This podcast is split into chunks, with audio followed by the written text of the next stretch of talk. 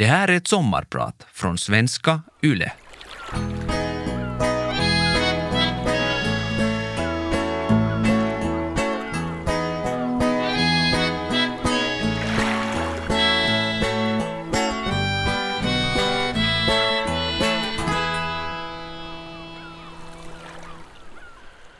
Jag står på en plats som jag drömt och fantiserat om i många år. På scenen vid Royal Opera House i Covent Garden, London. Premiären av Kaja Saariaus Innocence är redan igång. Om en liten stund ska ridån upp och min första entré som brudgummen i den här hyllade operan. Jag har tidigare gjort rollen i Aix-en-Provence och Helsingfors. Nu spelas uppsättningen i ett av Europas allra finaste operahus. Jag är lycklig och stolt där jag står i mörkret och väntar på att sjunga min första fras. Men också förväntansfullt spänd och förstås lite nervös. Allt måste sitta rätt mellan öronen. Det handlar inte bara om att kunna alla toner och texter så där i teorin. Det ska också funka i praktiken, trots nervositet. Med över 2300 personer i salongen, inklusive recensenter, agenter och viktiga personer från andra operahus, betyder det att min insats ikväll har direkta följder för min framtida karriär. Jag går igenom allt i huvudet. Har jag gjort mina förberedelser rätt? Jo. Öppnade jag rösten ordentligt? Jo. Sov jag bra i natt? Nej, tyvärr. Har jag gjort absolut allting jag kan för att göra en bra premiär och debut på den här klassiska scenen? Jag har försökt göra mitt bästa. Det räcker. Och så påminner jag mig själv. Kom ihåg att njuta av stunden. Var närvarande. Fokusera. Andas djupt. Slappna av. Nu kör vi. Mitt namn är Markus Nykänen. Jag är timmermannen som blev tenor. Idag är jag din sommarpratare och jag kommer att tala om min långa och krokiga väg fram till premiären på Royal Opera House i London i våras.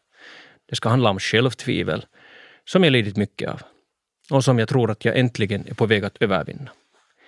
Jag ska tala om att prestera under press och om att våga drömma. Jag hoppas att jag kan inspirera dig. Min väg till mitt drömyrke, att bli professionell sångare, har varit långt ifrån spikrak. Den vanligaste vägen att bli operasångare är väl att börja ta sånglektioner redan som ung i musikinstitut eller kanske privat, för att sen studera vidare vid någon musikhögskola, typ Sibeliusakademin. Jag har tidigare jobbat som timmerman.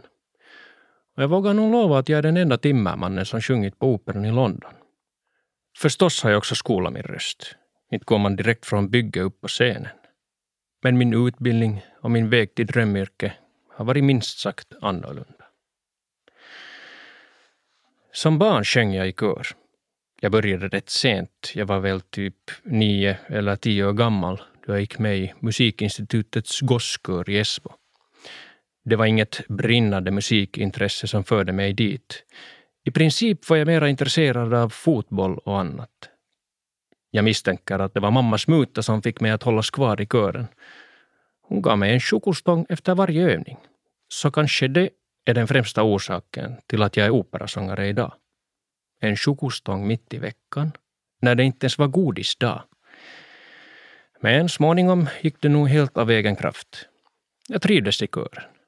Tyckte om att sjunga och det kändes tryggt att göra det i grupp. Tillsammans.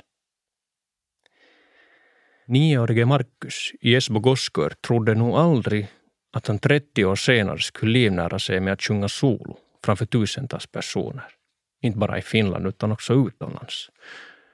Jag var en ganska osäker pojke. Rätt så blyg och ville helst inte stå i centrum. Jag undvek att få strålkastaren på mig. Men om den någon gång ändå riktades mot mig tog jag snabbt rollen som pajas gömde mig bakom den klassiska clownrollen. Speciellt i skolan tyckte jag att det var extra jobbigt med uppmärksamhet. Varje gång läraren ställde en fråga direkt till mig utlöstes en stressreaktion. Jag blev helt röd i ansiktet, svettades och hjärtat pumpade snabbt. Läraren frågade något, jag borde svara, det går inte. Stressen gjorde att jag gick helt i lås. Jag fick inte ur mig ett ord och kunde inte heller tänka klart. Det här gjorde att det blev väldigt svårt för mig att bearbeta information och det gjorde inlärningsprocessen knepig. Dessutom kämpade jag med texter, både att skriva och läsa.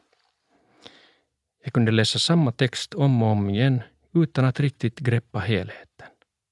Först som 18-åring fick jag min dyslexidiagnos, just före studentskrivningarna. Det var skönt att få en förklaring till varför skolan hela vägen hade känts så tung och svår. Som vuxen har jag dessutom fått diagnosen ADD. Så idag förstår jag ju mycket väl varför skolan var så jobbig. Men det fattade jag ju inte som barn. Då kändes skolan och undervisningen bara som ett enda kaos. Hur mycket jag än kämpade och försökte blev det inte lättare. Lärarna såg nog att jag behövde stöd och jag minns också att jag fick det, men kanske lite fel sorts hjälp. Jag borde tidigare ha fått lära mig mitt eget sätt att lära mig. Och det är kinestetisk inlärning. Det vill säga att använda rörelse och jobba med kroppen medan jag lär mig. Det passar inte så bra ihop med traditionell undervisning. På den tiden skulle man sitta prickstilla i klassen och bara lyssna. Idag hanterar jag dagligen stora mängder text då jag lär mig långa operor utan till. ofta på främmande språk. Ibland på språk som jag inte ens kan. Så bevisligen har jag hittat mina strategier. På något sätt sätter sig informationen bättre när man har känslor och inlevelse med inlärningen. Men visst kämpar jag fortfarande på i vardagen. All form av pappersarbete är krävande och svårt för mig. Sånt där som verkar gå så lätt för de flesta. Att betala räkningar i tid, att skriva mejl eller varför inte att skriva ett sommarprat. Jag förstår inte, blev mitt dagliga mantra under skoltiden. För just så kändes det. Jag förstod inte vad jag läste. Och när jag gick i lås förstod jag inte ens vad läraren sa. Så i något skede bara accepterade jag att jag är lite sämre än alla andra. Det var ingen idé att ens försöka prestera. Jag blev en underpresterare. Det blev min identitet. Vilket ledde till att jag gjorde allting lite sämre än vad jag faktiskt kunde ha gjort. Eftersom jag inte ens försökte. Det grämer mig idag. För idag vet jag ju att jag är en kreativ och väldigt driven person. Men allt det här föll i skymundan då min inre kritiker och mitt dåliga självförtroende lade sordin på allt. Jag satte mig längst bak i klassen och skämtade med kompisarna. Tyvärr gällde det här inte bara i skolan. Jag blev likadan i allt jag gjorde. Mirakulöst nog lyckades jag bli student med två A, två B och ett C. Jag var helt slut efter den persen och beslöt mig att ta ett mellanår från studierna. Det mellanåret pågår fortfarande, 20 år senare.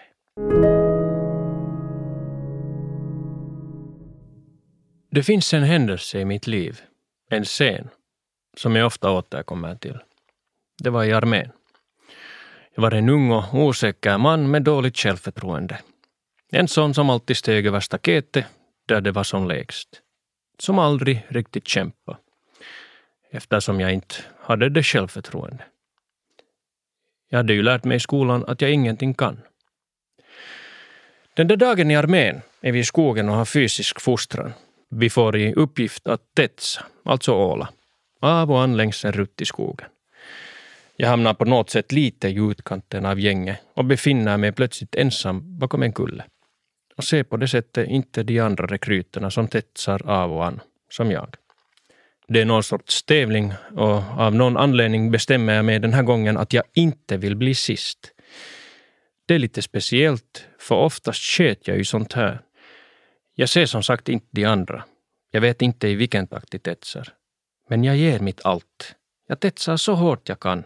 Jag är totalt utpumpad med blodsmak i munnen törstig så bara den och känner den där vanliga känslan. Att jag vill ge upp.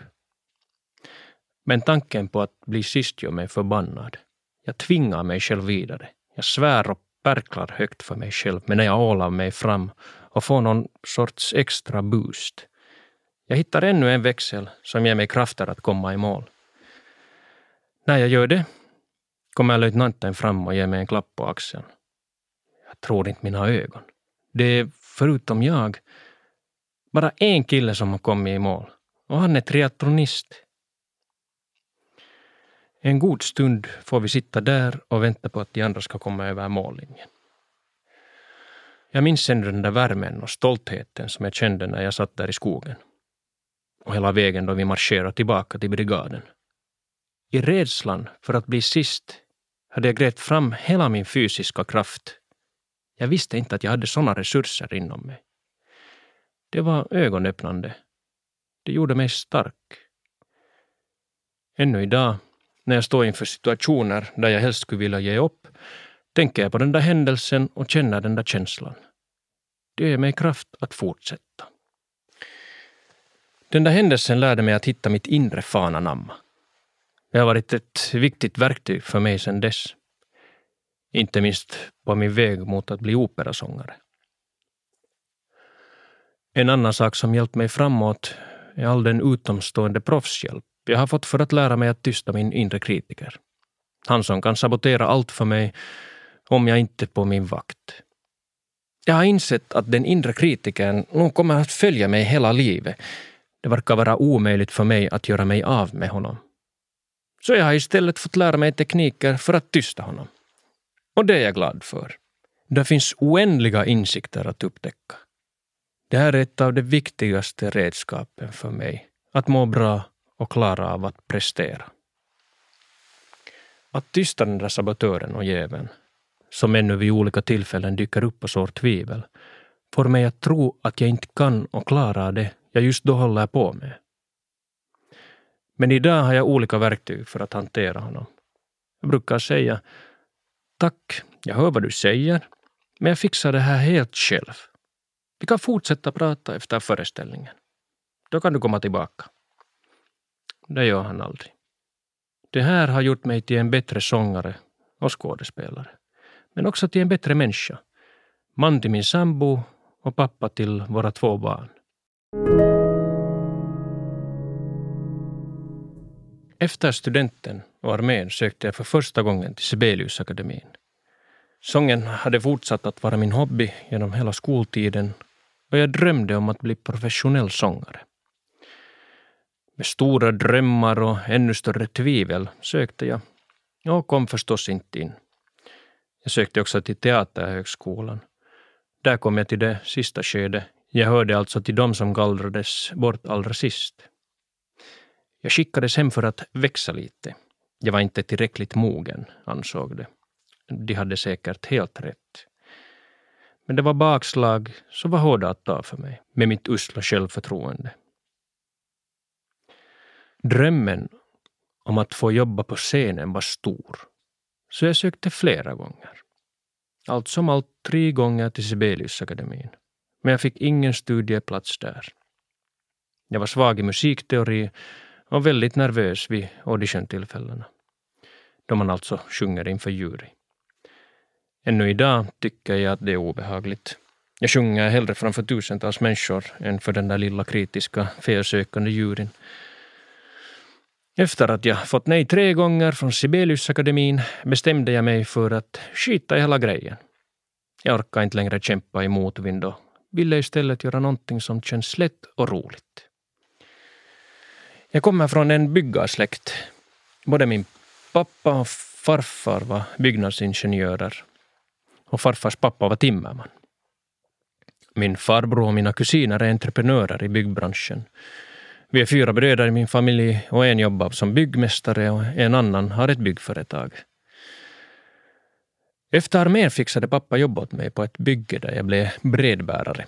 Det vill säga gjorde allt möjligt grovjobb som hjälpte timmermännen att smidigt bygga vidare.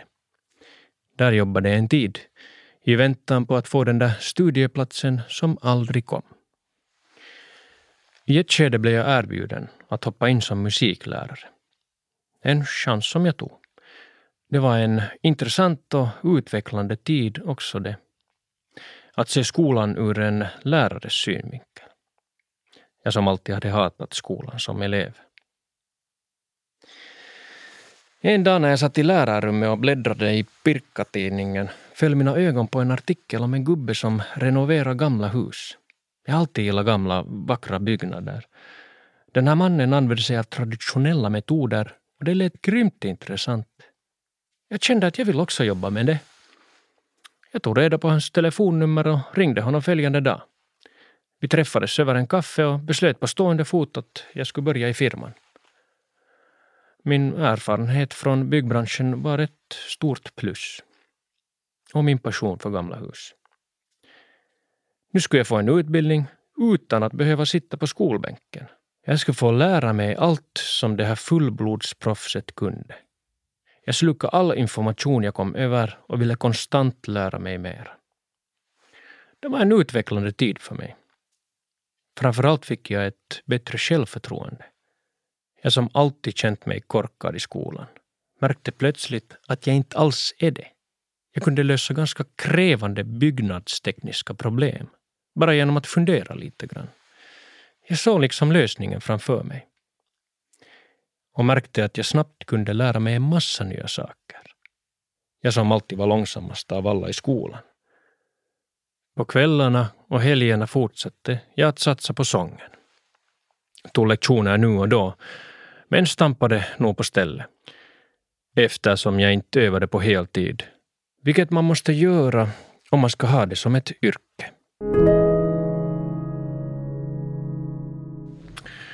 Jag heter Markus Nykänen och jag sommarpratar idag om min väg från timmerman till tenor. När mina kollegor inom operavärlden får höra att jag i grunden är timmerman får jag ofta frågan Men hur går det med ditt byggande? Hinner du alls bygga? Ja, det går nog rätt knaggligt med det nu för tiden. Ständigt har jag olika byggprojekt på gång. Vi bor som sagt i ett gammalt hus i Borgo och har en sommarstuga byggd på 1890-talet, så arbetet tar aldrig slut. Men tiden gör ju det. Det mesta av min tid går till operakarriären och resten av tiden vill jag absolut ge till familjen. Så det blir långa pauser i mina projekt.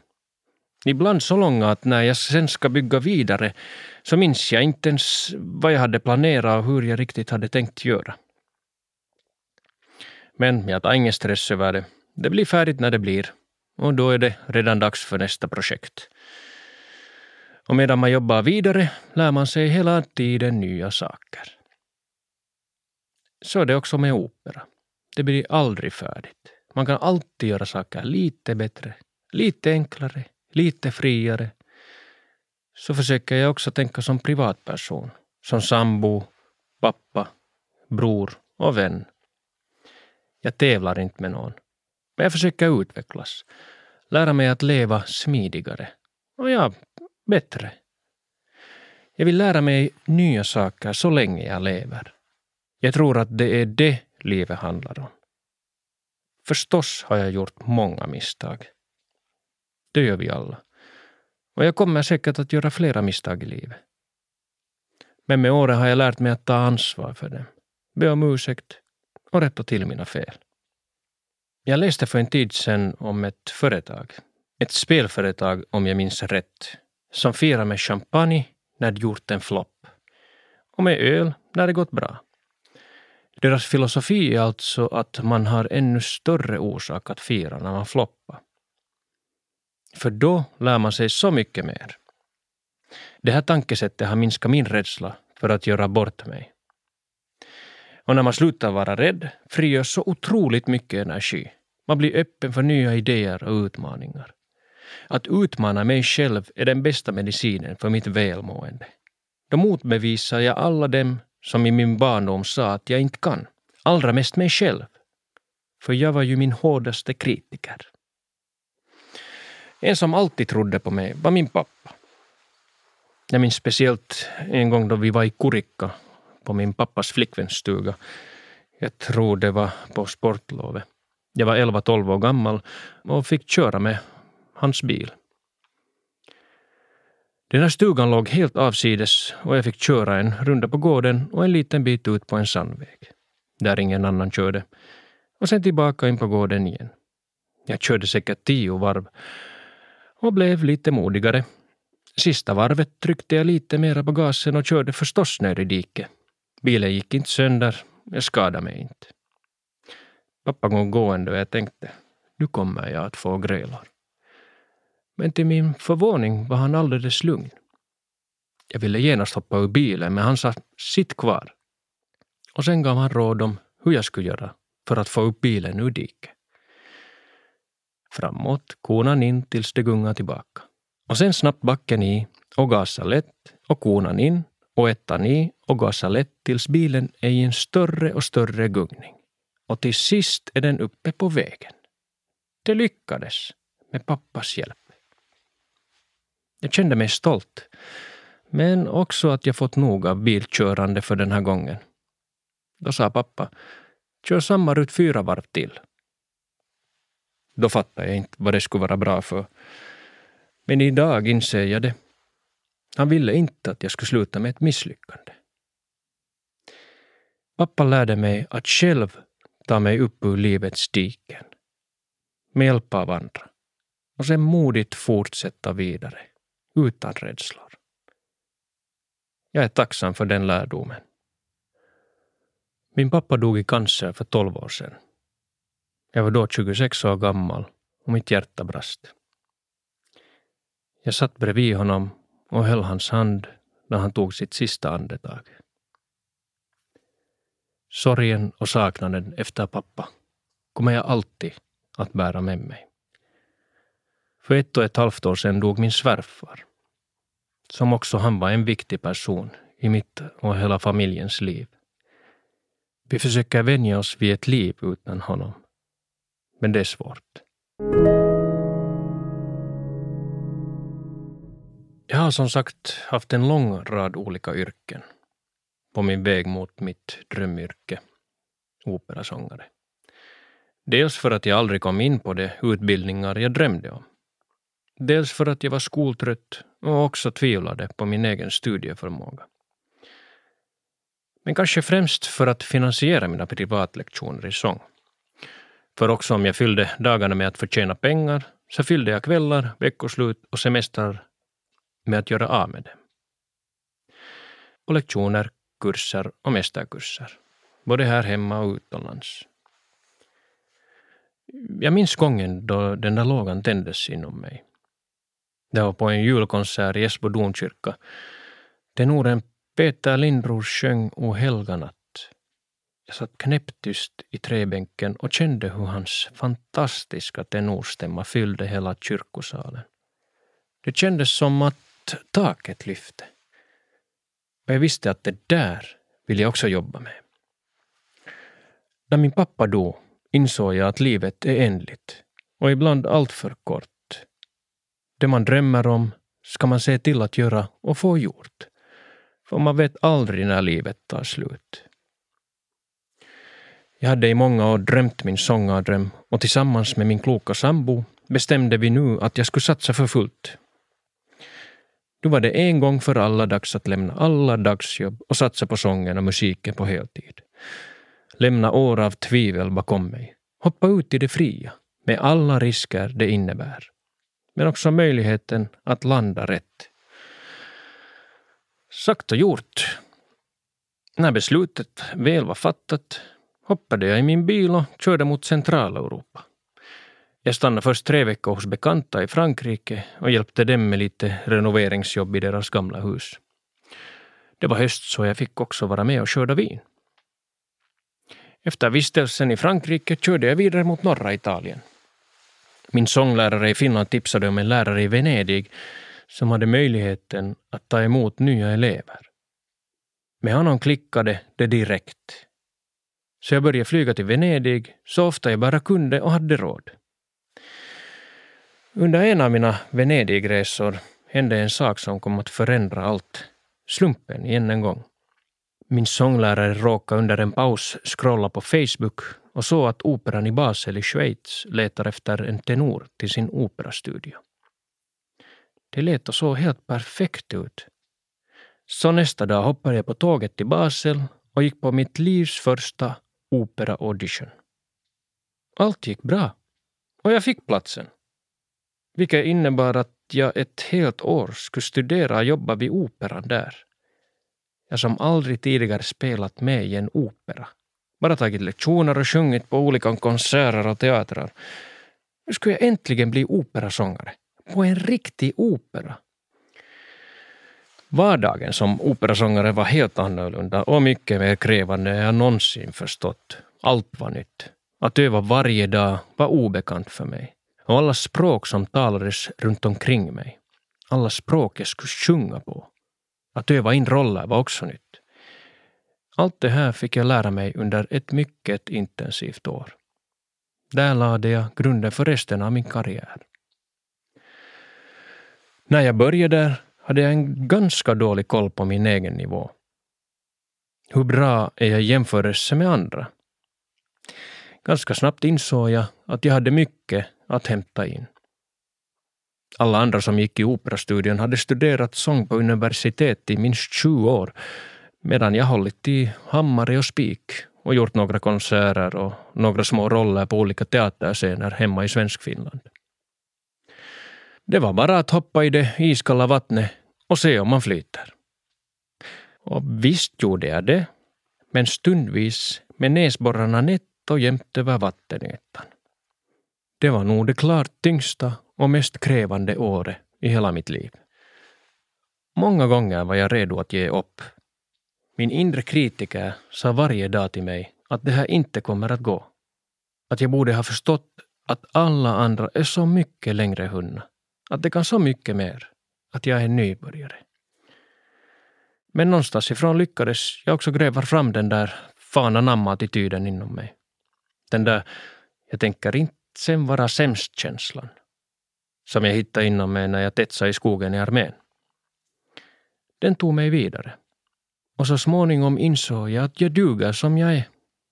Att enda sättet att utvecklas är att öva och öva och öva. Och långsamt bli bättre. Stor hjälp fick jag också av finländska mezzosopranen Riitta-Maja Ahonen som jobbade vid operan i Basel just då. Nästan varje dag gav hon mig sånglektioner vid sidan av de egentliga jobben. Det gav mig ännu mer säkerhet och ett lugn. Du kunde också inse mina egna styrkor. Det var framför allt den naturlighet jag hade på scenen som jag fått genom varierade scenuppdrag genom åren. Under olika sorters konserter för väldigt olika publiker, inte bara ett operasammanhang. Stor nytta hade jag också av att i flera år jobba med improteater Stjärnfall hemma i Finland. Det var på många sätt min teaterskola, som också lärde mig en hel del om livet. När man improviserar måste man vara närvarande i nuet och lyssna. Och kan man det är man långt på väg. Under hela min karriär har jag fått höra att jag är en naturbegåvning när det gäller sång och att stå på scen vad det nu sen innebär. Vad är det att vara en naturbegåvning? Det låter ungefär som att man inte behöver göra någonting. Att man bara kan allt. Det stämmer förstås inte. Men jag inser att jag har fått en gåva och det är jag djupt tacksam över. Och jag inser också att den gåvan hjälpte mig framåt under åren då jag knappt alls hann öva. Den hjälpte mig att komma in på operastudion i Basel. Men efter det är det nog bara hårt arbete som har gällt och gäller. Begåvning är bara en liten del av paketet. Resten är övning och åter övning. Jag sjunger i princip varje dag. Alla dagar hinner jag inte öva så mycket som jag borde. Men målet är att sjunga varje dag och att ha en vilodag i veckan. Det mår rösten bra av och resten av kroppen.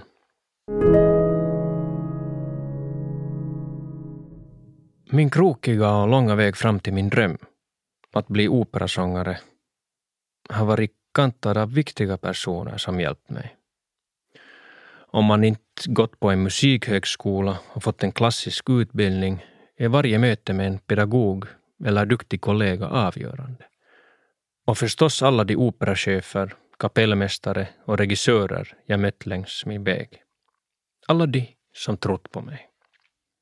Och jag inser alldeles på riktigt att den där chokostången som mamma mutade mig med för att jag skulle sjunga i gosskören i barndomen, att den var viktig.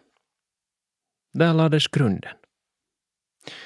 Genast efter målbrottet, som för min del nästan gick obemärkt förbi, började jag ta mina första sånglektioner. En kväll i veckan, i många, många år.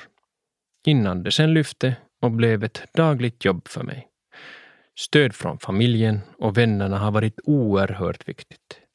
Och dessutom alla de ekonomiska understöd och stipendier jag fått. Det är viktigt att lyfta fram i dessa tider, när det funderas på var man ska spara in. Då blir kulturen alltid hotad. Börjar uppfattas som någon form av lyx. Utan stipendierna skulle jag garanterat inte vara där jag är idag. Alla mina pengar från olika bygg och teaterjobb gick i flera år till sångstudier. Men lite måste man ju också ha för att leva. Få mat, betala hyra och räkningar. Efter att jag kom hem från Basel hade jag turen att genast få fina jobb på Nationaloperan i Finland. Det var roligt och lite skrämmande.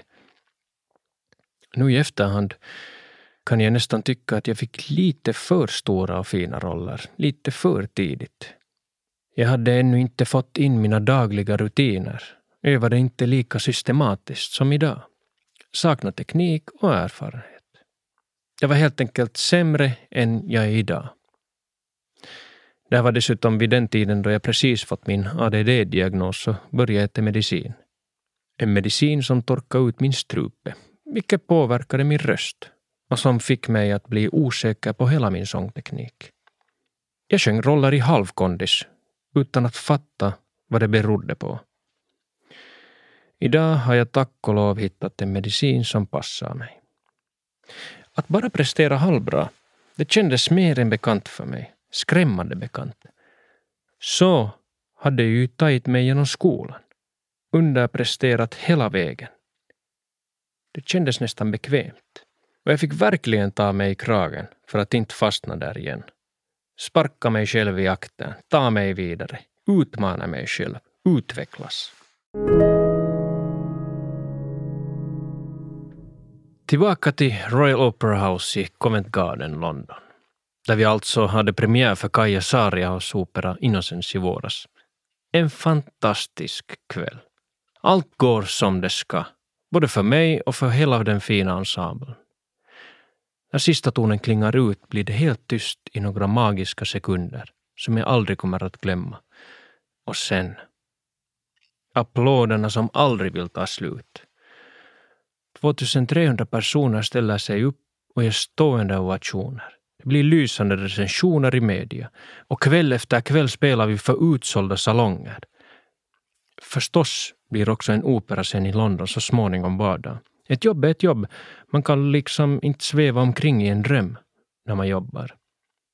Men allt emellanåt slog det mig att jag faktiskt stod där. Timmermannen som blev tenor. Trots en lång omväg och stora självtvivel.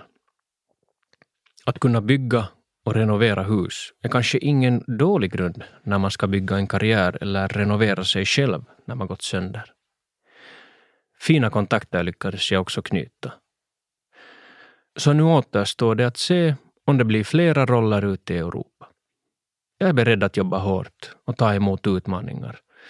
Det drömmer jag om. Om att få utvecklas som sångare och människa. På den privata sidan drömmer jag om att bli en bättre familjefar med allt vad det innebär. Framför allt att vara mer närvarande i stunden. Inte sväva iväg allt för mycket i drömmarna om framtida roller, utan verkligen vara här och nu. Och axla den viktigaste av alla roller jag fått i livet. Mitt namn är Markus Nykänen och jag har idag varit din sommarpratare. Hoppas att du får en fortsatt fin sommar. Och kom ihåg, var inte rädd för att misslyckas. Har lyssnat på Vegas sommarpratare med Markus Nykänen. Redaktör Thomas Lundin. Vegas sommarpratare görs av Paradmedia för svenska YLE.